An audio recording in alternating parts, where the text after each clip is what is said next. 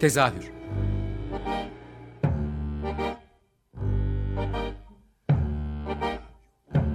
İstanbul tiyatro hayatı üzerine gündelik konuşmalar. What keeps mankind alive? What keeps mankind alive? The fact that billions are daily tortured, stifled, punished, silenced, and oppressed. Mankind kept alive by bestial acts. Hazırlayan ve sunan Gülin Dede Tekin. Tezahürden herkese iyi akşamlar. Ben Gülin Dede Tekin. Yaz döneminde e, başladığımız e, tiyatronun bileşenleri serimizde bu hafta oyunların e, tanıtım ve reklam ayağına değinelim istiyorum ben. E, bu nedenle e, konuklarımla beraber bugün ilk yarıda tiyatro fotoğrafı, ikinci yarıda da böyle tiyatro afişi üzerine konuşmaya çalışacağım. E, benim de çok yabancı olduğum bir konu aslında. Öncelikle ilk konuğum İKSV'nin tiyatro festivallerinin de fotoğrafçısı e, ama şu anda kendisi şehir dışında çekimde olduğu için telefonla bağlanacağımız Ali Gürel olacak. Şimdi kendisine telefonla bağlanacağız. Merhaba Ali. Merhabalar. Öncelikle davetimi kabul ettiğin için çok teşekkür ederim. Biliyorum zor şartlarda yapıyoruz şu anda röportajı seninle. evet.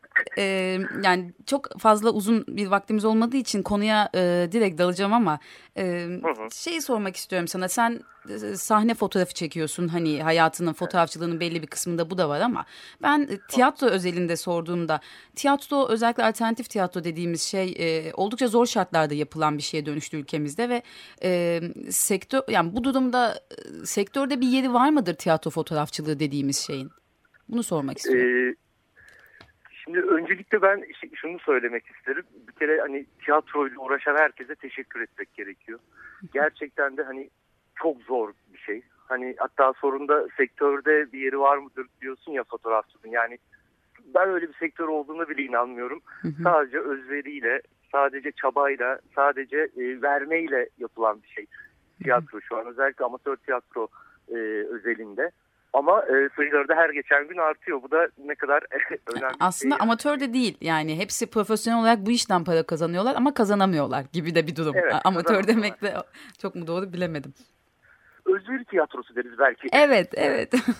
evet doğrudur. Ee, ve hani e, gerçekten çok zor şartlarda çalışıyorlar. Sahne yok, ışık yok, ses yok. Bir sürü engelleri var. E, destek yok destekleri kesiliyor ya da e, ve hani ona rağmen hala devam ediyorlar. Hala birlik olup devam ediyorlar. Hı hı. Hala çoğalarak devam ediyorlar ve inadına e, sahne açılıyor. Hı hı. Ve hani gerçekten bu sebepten yani bu sebeplerle onlara teşekkür etmek gerekiyor. Kim uğraşıyorsa ben de senin nezdinde teşekkür e, edeyim. Fotoğrafçılık açısından eğer bakarsak da e, tabii yani tam bir sektör olamamış bir yerden geçim sağlamak hı hı. çok zor. Yani oyuncular bile tiyatro yaparak geçim sağlayamıyorken foto, e, tiyatro fotoğrafçılığı yaparak e, geçimini sağlamak çok zor. Hı hı. Hatta bence imkansız yani. Peki e, sözünü bölüyorum ama bu sadece para kazanmak anlamında da değil yani sektördeki yerinden kastım. Yani bir kültür olarak fotoğrafçılık tiyatronun içerisinde var mı aslında? Biraz da bunu sormaya çalışıyorum. Var. Ee, özellikle bu sosyal medya ile birlikte de bu arttı. Yani hı hı. arttı demeyeyim de daha görülür oldu. Hı hı. Ee, ama bizim hani genel olarak fotoğraf e, arşivi sorunumuz var. Hani böyle geçmişten gelen şeyleri çok fazla kolay kolay bulamıyoruz. Hı. Ee, bunlar bir yerde durmuyorlar. Çoğu zaman hani kişisel arşivlerde yok olup gidiyor ya da kaybolup gidiyor değil. Yok ol, ol, olmuyor da görünmeden yok olan e, bir alan aslında fotoğrafçılık ve hani aslında çok da önemli bir şey. Çünkü buradan da hani e, bir görsel belge oluşturma e, işlevi var fotoğrafın ve hani bu da kültürün aslında sürekli olmasını sağlayan bir şey. Doğal olarak hani bir yerlerden bir arşiv, bir belge, bir aktarım olmazsa yani sadece usta çırak ilişkisi tabii ki aslında çoğu şeyi çözebiliyor ama hani bunları görsel olarak destekleyemezsek hikayesel olarak hikayeler biraz eksik kalıyor diyeyim. Hele hele bu çağda, hı hı. görsel bir çağda yaşıyoruz e, böyle sorunlar yaşıyoruz arada bir. Anladım. Peki oyunların tanıtımında fotoğrafın nasıl bir rolü var? Çünkü seyirciyle aslında ilk buluşan şey bunlar. Yani fotoğraflarla buluşuyor seyirci ve bazı ekipler hiç fotoğraf çektirmeden direkt sahnesine davet ederken bazıları fotoğrafla da hani bunun e, sosyal medyasını yapıyor. Nasıl bir rolü var aslında oyuna etkisi nedir? E, oyuna etkisi şöyle hani yine aynı şeye geliyoruz sosyal medya çağında yaşıyoruz gerçekten hani sosyal medyanın tabii ki bir sürü dezavantajı var ama hani özellikle tanıtım açısından çok büyük bir e, katkısı var ve fotoğrafın en temel faydası da bu olabiliyor onlara. Hı hı.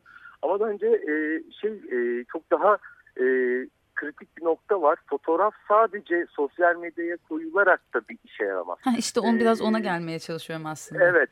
evet. Yani bu eskilerden yani 70'ler 80'ler hatta belki 90'larda e, şöyle e, nasıl diyeyim oyun kartları, oyuncu kartları, e, roller bu tarz şeyler ya da şu an yurt dışında yapılan e, oyun e, dergicikleri diyeyim böyle 5-10 dakika okuyabileceğiniz şeyler, fotoğraflar buralarda kullanıldığı zaman daha anlamlı oluyor. Ee, yani oyuna katkısı oluyor mu? Evet eğer ki oyunu anlatırsanız, oyuncuyu ve karakteri anlatırsanız, yönetmeni ve onun e, daha önceki işlerini anlatırsanız, oyunun metin yazarını anlatırsanız evet fotoğrafın bir katkısı oluyor. Çünkü metni görselle birleştirmiş oluyorsunuz o zaman. Ama sadece Facebook, sadece Instagram, sadece Twitter tabii ki bir katkısı oluyor. Olmuyor diyemeyiz. Ama sınırlı bence çok sınırlı.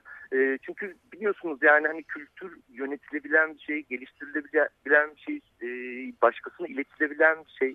Ve hani bu kültür sadece tek bir şeyle oluşan e, oluşmaz. Yani bir sürü etkeni var bunun ve hani bunu da e, fotoğraf sadece destekleyicisi olabilir bunun. Ama görsel çağda yaşıyoruz. Evet afiş evet. çok önemli. Evet oyun fotoğrafları çok önemli. Evet oyuncuların fotoğrafları çok önemli. Ama başka şeyler de koymamız gerekiyor bence fotoğrafın yanına. Değil mi? Ee, peki bu noktada şey gerçi artık şey de var fotoğrafı bir, bir nokta ileriye taşıyıp videolar hazırlanıyor artık oyunların tanıtım için hani başka şeylerden evet. deyince aklıma o da geldi ama ben tiyatro e, fotoğraf özelinde bir de şeyi sormak istiyorum. Mesela sen bir e, sahne fotoğrafı çekerken tiyatro fotoğrafı çekerken işin tanıtım kısmı değil de içerideki kısmına baktığımızda ne kadarına dahil oluyorsun oyun, oyunun? Yani bir oyun çalışma aşamasında dramaturgu e, işte oyuncusu dekoru ışığı hepsi hepsi oyunun içine bileşenleri dahil oluyor ama e, bir fotoğrafçı ne kadarına dahil olur? Neresinde girer işin? Bu fotoğrafçıya bağlı bir şey. ee, neresinde dahil olmak isterse orasında dahil olur. Ya isterse genel provada ya da akışta son artık şeylerde sahne de dahil olur ve hani aslında oyunu da kaçırmış olur, hazırlığını da kaçırmış olur. Hı hı. İsterse de ben zaman oldukça yapıyorum açıkçası kendi adıma. Hı hı. Hani metin gelir, metni okursunuz. Hı hı. Oyuncuların okuma provalarını oku, e, provalarına gidersiniz. Hı hı. Ondan sonra makyaj, yönetmen, e, ses, bu tür konuşmaları dinlersiniz. Bu tür hı hı. konuşmalar oyunda ne verilmek istendiğini size gösterir ve hani aslında neyi çekmeniz gerektiğini de e, saptarsınız. Yani bu yansır mı aslında fotoğrafçının fotoğrafına mesela? Teknik o. Bu izlenimler e, fotoğrafçının fotoğrafına da yansır mı sence? Onu anlamaya e, çalışıyorum aslında. Tabii Hı -hı. ki yansır. Çünkü aslında hani fotoğraf dediğimiz şey e, hani gördüğünüzü çekmek değildir. Evet işte Daha bu böyle anlaşılan bir şey ya fotoğraf. Gerek, yok. Hı hı. Yok o kadar da sınırlı değil. Neyi çekeceğinizi de bilmeniz. Hı hı. E, yani şey demiyorum size doğru açıyı bulmanıza faydası olmaz ama genel anlamda Hı hı. Size çok büyük faydası var. Çünkü e, gidişatı biliyorsunuz, karakterin evrimini biliyorsunuz. Dediğim gibi metni okursanız, o provalara giderseniz, hı hı. o ani yükselmeleri, düşüşleri, bazı hani tiratları, her şeyi doğru yerlerde yakalama imkanınız oluyor. Prova, yani oyuncu niye prova yapıyorsa aslında evet. fotoğrafçı da birazcık o yüzden prova yapmak zorunda bence. Ben elimden geldiğince yapabiliyorum, yapıyorum bunu. Hı hı. Zaten böyle yapınca çok daha keyifli oluyor. Ben bütün tiyatro fotoğraf çekenlere de öneririm bunu eğer yapmadılarsa. Çok, çok daha keyifli oluyor. Çünkü bu sefer hani oyunu bilip sonra akşam eve gidip fotoğraflarınıza baktığınız zaman o anlamı yakalayabildiğiniz anda daha keyif bir, bir iş hali, haline geliyor bu. E zaten para kazanmıyorsun. en azından bir kazancımız bu oluyor diyorsun. E, tabii tabii. Yani, Peki. Fotoğraf, yani Heh. Tiyatroda bu böyle. Tiyatro üzerinde bu böyle. Peki teknik olarak e, bir farklılık gerektirir mi? Yani gerektirir. Hı hı. Yani tüm sahne e, fotoğrafları teknik olarak bir kere yani makinenize çok hakim olmanız gerekiyor. Hı hı. E, yapay ışıklar var sahnelerde evet. ve hani bunun white balansları var işte enstantane, diyafram bu tür şey bir sürü e, teknik detayımız var. Bunları hakim olmak yani makinenize hakim olmanız gerekiyor. Ya. Yani arada bir bana sorarlar fotoğrafçılık yapacağım ben falan derler. Hep elinizde tutun ilk önce derim. Çünkü şey yani makinenin ağırlığına alışmanız bile çok önemli. Evet. Ona alışmadıysanız yorulursunuz. Evet o Mark 2'lerin ağırlıkları gerçekten. Ee, sözünü böldüm ama bir de son olarak şeyi sormak istiyorum. Ee, İKSV ile genel olarak çalıştığını biliyoruz ama hani hangi ekiplerle çalışıyorsun? Nerelerde fotoğraflarını görebiliriz aslında? Ee, İKSV ile ben son iki yıldır festivallerini çekiyorum. İstanbul Kültür Sanat Vakfı'nın tiyatro festivalini çekiyorum. Büyük bir deneyim oldu benim için. Çok büyük bir, beni çok geliştirdi. E, onun dışında hani Kumbaraceyliler, ekip tiyatrosu bir sürü var. Yani hani hangi birini sayacağımı bilmiyorum. Yaklaşık 8 yıldır çekiyorum. Birçok e, tiyatroyu çektim. Birçoğu devam ediyor. Birçoğu bitti. Ama genellikle artık sadece festival sırasında çekiyorum. Çünkü biliyorsunuz ki sahneler e, yani sahnelerimizin şartları koşulları çok kötü olmaya başladı. Bu ancak büyük organizasyonlarda Evet. bir nebze düzelebiliyor. Ve o zaman hani bir fotoğrafçı olarak da doğru zaman benim için o zaman oluyor. Yani doğru bir ışık, daha iyi bir ışık, daha yüksek bir tavan, daha geniş bir alan, oyuncunun daha rahat hareket edebildiği alan beni de tabii ki etkiliyor. Anladım. Ee, süremiz doldu ne yazık ki. Ee, seninle e, biliyorum ki kafanda bazı tiyatroya özel işler de var. Ee, umarım kış Var. döneminde oturup bunları da uzun uzun konuşacağımız bir program yaparız beraber. Ee, onlara şimdi spoiler veremedik ama bir dahakine umuyorum. Ee, tekrar teşekkür ederim te- teklifimi kabul ettiğin için. Ee, senden sonra da e, afiş üzerine konuşacağız. Bakalım neler olacak. Çok teşekkürler tekrar. Ben teşekkür ederim. Kolay gelsin. Sana da.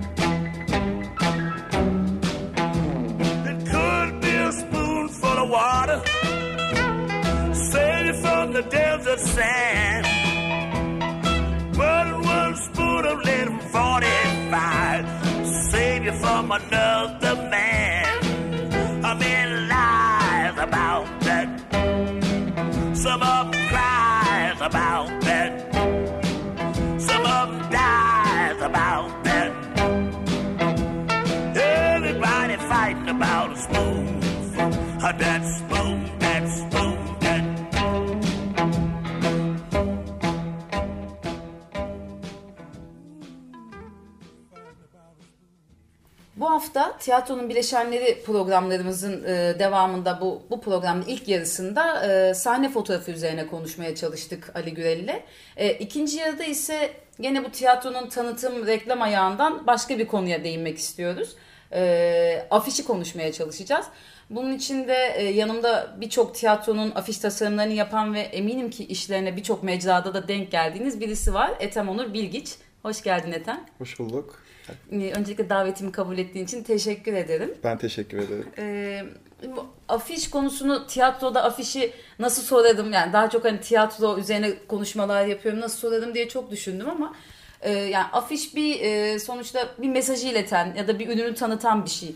Tiyatroda bu nasıl işliyor? Hani bu mekanizma senin diğer çalıştığın işlerden farklı mı işliyor? Ee, yani tiyatroyu afişle nasıl gösteriyorsun mesela? Bunu merak ediyorum. Yani afiş aslında seyircinin ilk gördüğü şey. Yani oyuna dair fikir edindiği şey de afiş oluyor. Ee, tiyatrodan tiyatroya da biraz değişiyor aslında. Bazı tiyatrolar daha oyuncularını göstermek istiyor. Bazıları direkt oyunu anlatmak istiyor. Ee, kimisi çok serbest bırakıyor, kimisi çok kafasına bir şeyle geliyor. Biraz dediğim gibi tiyatrodan tiyatroya değişiyor. Her tiyatronun ruhu farklı oluyor. Ee, çıkan işler de biraz değişiyor. Tazlar da biraz değişiyor. Dediğim gibi biraz aslında ihtiyaç. Hani bir- ne olursa olsun bir müşteri tiyatroda. Ee, ama genelde eğlenceli geçiyor. Severek yapıyorum. Ekiplerin beklentileri üzerinden yürüyorsun yani bu durumda biraz Yani- da. Çünkü e, bazen oyunlar daha modern de yorumluyorlar ya da oyunlar daha farklı da yorumluyorlar. Yani bana gelen tekstten daha farklı olduğu çıkıyor. Yani en basit örnek vereyim. Mesela ben bayağı bir dram gibi okuyorum bazen teksti ama oysa bayağı daha kara komedi kafasında e, oyundan oyun e, şey yapıyor, sahneleniyor. Bu da tabii afişi de değiştiriyor. Yani renkleri değiştiriyor, tonu değiştiriyor. Seyirciye çünkü bir şekilde bunu anlatmak gerekiyor. Bu noktada şey soracağım. O zaman sen afişi tasarlarken yani şey çünkü merak ediyorum. Sen de tiyatronun bir bileşeni oluyorsun bu sonuçta ki ilk hani dünyaya açılan kapısı aslında. Sen oyunun neresinde duruyorsun? Yani nere kadarına kadar derinine giriyorsun oyunun? Nasıl bir ilişki kuruyorsun? Bu da biraz aslında şeyden değişiyor. Müşteriden müşteri demeyeyim de tiyatrodan tiyatroya göre değişiyor. Bazı tiyatro bir de zamandan zamana da değişiyor. Yani bazı oyunlar daha erken kadrosunu kuruyor, işte yönetmen karar veriyor vesaire. O zaman şöyle bir imkan oluyor. Ben tekst geliyor. Ben teksti okuyorum. Yönetmenle birkaç sohbet edebiliyorum. Hatta e, oyunun provaları başladıysa provaya gidip izleyebiliyorum. Bunlar benim için daha güzel oluyor. Çünkü oyunu ve ruhunu anlayabiliyorum.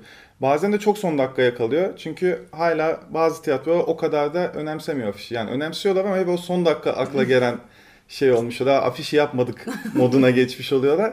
Ee, o zaman tabii daha hızlı çözümler ya da daha benim de içime sinmeyen çözümler çıkartmış oluyoruz. Mesela e, aklıma ilk gelen dedin yani okuduğumla şey e, provadaki ya da oyunda izlediğim tutmuyor diye.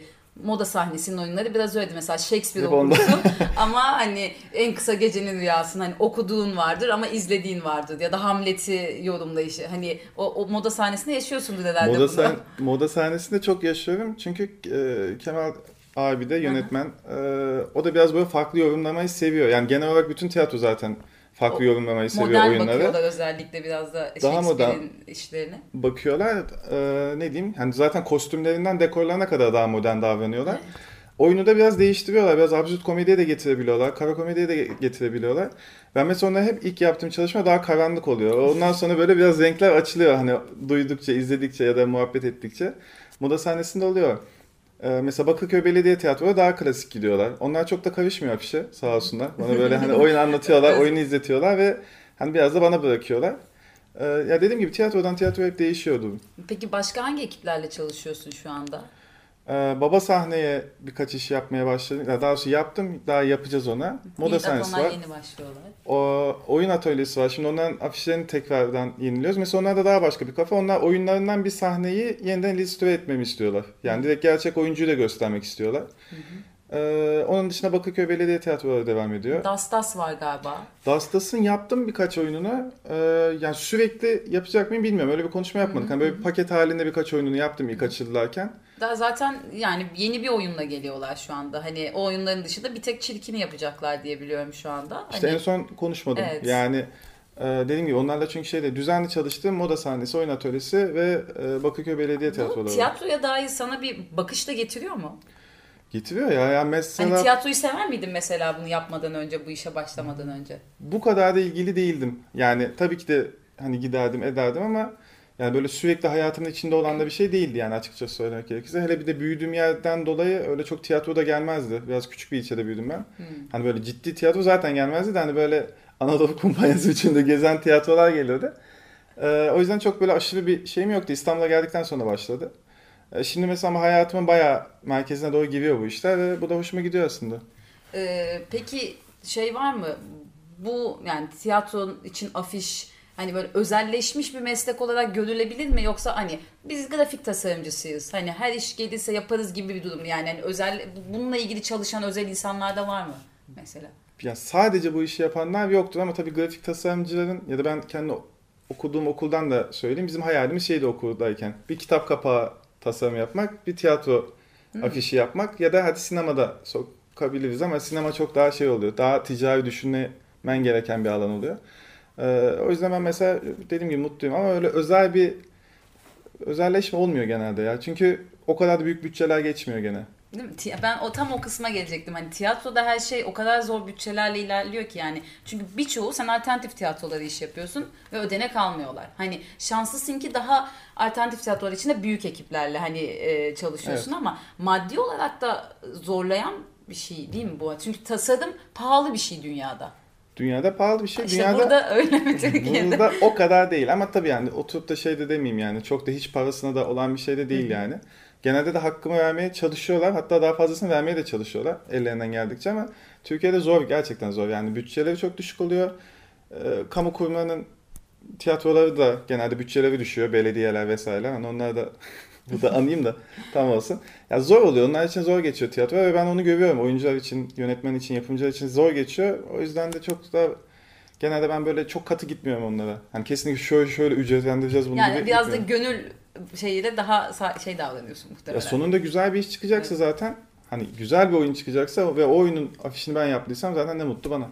Peki e, son bir şey sormak istiyorum. Baktığımızda böyle senin çizgilerini tanıyoruz artık. Hani e, yani ya da çok fazla gördüğüm için bilmiyorum hani e, bir ilham kaynağın bir şey yani nasıl kendi çizgini nasıl anlatırsın? Hani bu zor bir soru ama hani Bilmem yani sonuçta şöyle oluyor bir yerden sonra çizginde sen gibi oluyor. Yani hafif pasaklıyımdır. Evet çizgilerim de hafif pasaklı da dağınıktır.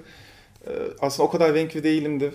Ne kadar böyle renkli gibi dursa da çizime baktığın zaman evet, ton... çizimlerin çok renkli diyecektim aslında ben sana ama. Ben o kadar renkli görmüyorum. Daha böyle ton tonlar aslında. Yani aynı tonun e, farklı ne diyeyim şeyine. Hani bir De- rengin farklı tonları tonları böyle. oluyor genelde. Ee, öyle yani çok da böyle kendimi şimdi nasıl anlatayım? tamam tamam çok zor bir soru sordum biliyorum. Ben de tiyatroda afiş üzerine konuşmak da zor. Benim için de zorlayıcı bir şey ama sen gerçekten bütün teknik bilgileri verdin Ha, diyebilirim. Ee, kısa bir program oldu. Bu hani ikiye böldük biraz ama çok teşekkür ederim verdiğin bilgilerin için de. ben Gel- çok teşekkür ederim. Ee, dinleyicilere de çok teşekkür ediyoruz. Herkese iyi akşamlar. İyi akşamlar.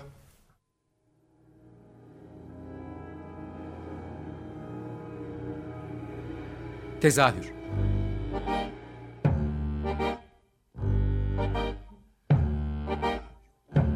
İstanbul tiyatro hayatı üzerine gündelik konuşmalar. What keeps mankind alive? What keeps mankind alive? The fact that billions are daily tortured, stifled, punished, silenced, and oppressed. Mankind is kept by. Hazırlayan ve sunan Gülin Dede Tekin. Açık Radyo program destekçisi olun. Bir veya daha fazla programa destek olmak için 212 alan koduyla 343 41 41.